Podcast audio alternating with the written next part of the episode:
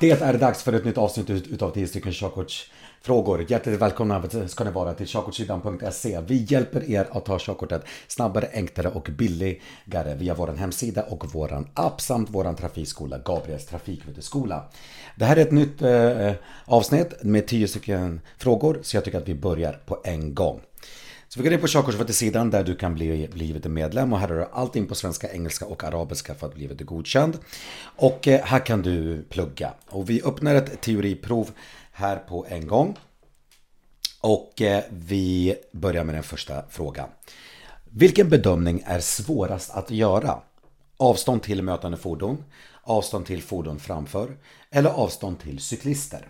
Och här är rätt för det svar straight forward och det är avstånd till mötande fordon. När är risken att drabbas av fartblindhet störst? När jag har mötande med trafik under lång tid, när jag kör på en bred och rak väg under lång tid eller när jag kör på en smal väg.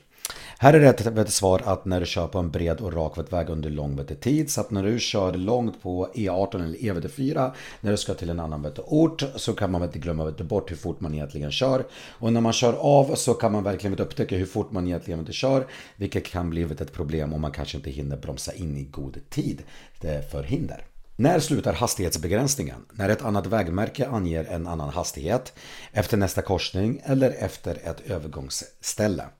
Här är rätt svar att en hastighetsbegränsning eh, slutar av att gälla när ett annat vägmärke anger en annan hastighet. Men det här gäller inte alla vägmärken utan andra gäller när till exempel ett, an, eh, eller ett slutmärke vet du, kommer eller så finns det vet, andra som gäller bara till nästa vet du, korsning. Men hastighet gäller tills en annan hastighet anges. Temperaturen är 0 grader en vinterdag. Vart bör du vara extra beredd på att det kan vara dåligt väggrepp på vägen? Finns ingen specifik plats eller i viadukter och broar eller i nedförsbackar. Så här är det rätt svar i viadukter och broar för att kall luft liksom kyler broar eh, underifrån och ovanifrån vilket gör att det blir lite extra halt, halt vet det där. Så att eh, här är rätt svar i viadukter och eh, broar. En annan vet plats vet också det är vet i korsningar för där startar, startar vet och stannar eh, bilar vet ofta vilket gör att däcken vet polerar eh, snöytan vet under så att den blir som is. Så att det kan vara en sån fråga också också som du behöver vet, kunna. Men här är det rätt svar i viadukter och broar. Du har en bil vet, bakom dig som vill köra om dig. Hur ska du agera? Jag byter, till, eh, eller jag byter fil till vägrenen. Jag förhindrar omkörningen då bilen bakom inte får, får överskrida den vita linjen. Eller jag kör så nära kantlinjen jag kan för att underlätta omkörningen. Så att här ska ju du vet bilen vet, bakom inte, gör, inte göra, göra vet, en omkörning. Men nu vill bilen göra det vet, ändå. Och du får aldrig vara en trafikfara för, för, för andra. Fast att du, alltså att du har vet, rätt vet, i sak. Så att här så är eh, Eh, platsen för smal för att göra, en en omkörning. Plus att det finns en hel dragning heldragen linje vid mitten vilket gör att man inte får korsa den. Så det finns ingen möjlighet att göra en omkörning. Eller kan man inte kan man, men man får inte och det är farligt. Men du ska ändå eh, underlätta för, för, eh, för fordonet bakom genom att jag kör så nära kantlinjen jag kan för att underlätta vet, omkörningen. För att det minimerar eh, faran i den här situationen. Du ska veta planera en resa från Stockholm till, till, till Marbella i Spanien. En rutt via Madrid är på 371 mil och en annan via Barcelona är på 382 mil. Är den kortare rutten alltid att föredra ur miljöaspekt? Nej, en lägre väg kan vara bättre för miljön eller ja eftersom du kör en kortare sträcka.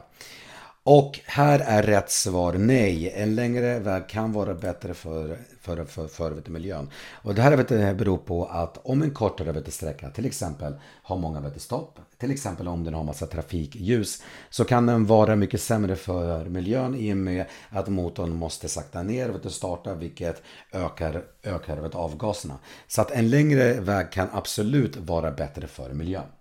I ett registreringsbevis finns mycket information. Vilket av alternativen kan, bland kan du bland annat hitta i ett registreringsbevis? När bilen måste, måste skrotas, datum för när bilen ska besiktigas eller när bilen togs i bruk. Så det står absolut inte när bilen måste, måste skrotas och det står inte heller något datum för när bilen måste besiktigas. Fast att besiktningen beror på när bilen togs i, i, i bruk som står i registreringsbeviset.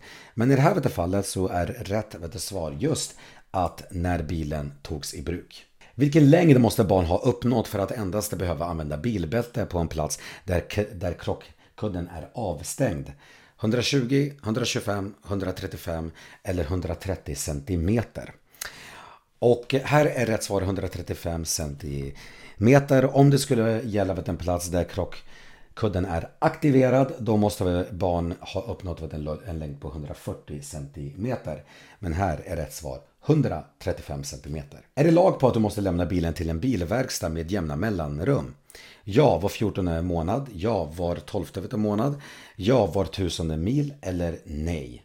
Och här, här ska du inte förväxla det här med, med att kontrollbesiktiga bilen. Du behöver absolut inte lämna in bilen till en bilverkstad eh, med jämna mellanrum. Så att här är rätt svar helt enkelt nej.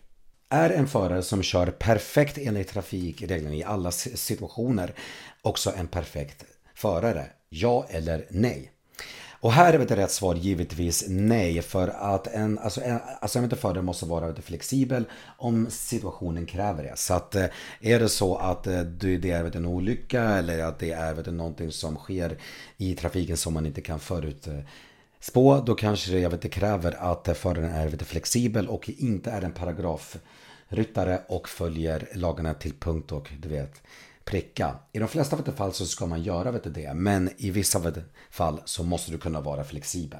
Nu tycker jag att du ska trycka på den här spelarvetlistan så att du kan se alla över 100 avsnitt utav 10 stycken körkortsfrågor så att du verkligen lär dig alla frågor till det där teoriprovet. Kom ihåg, kör försiktigt och håll avståndet.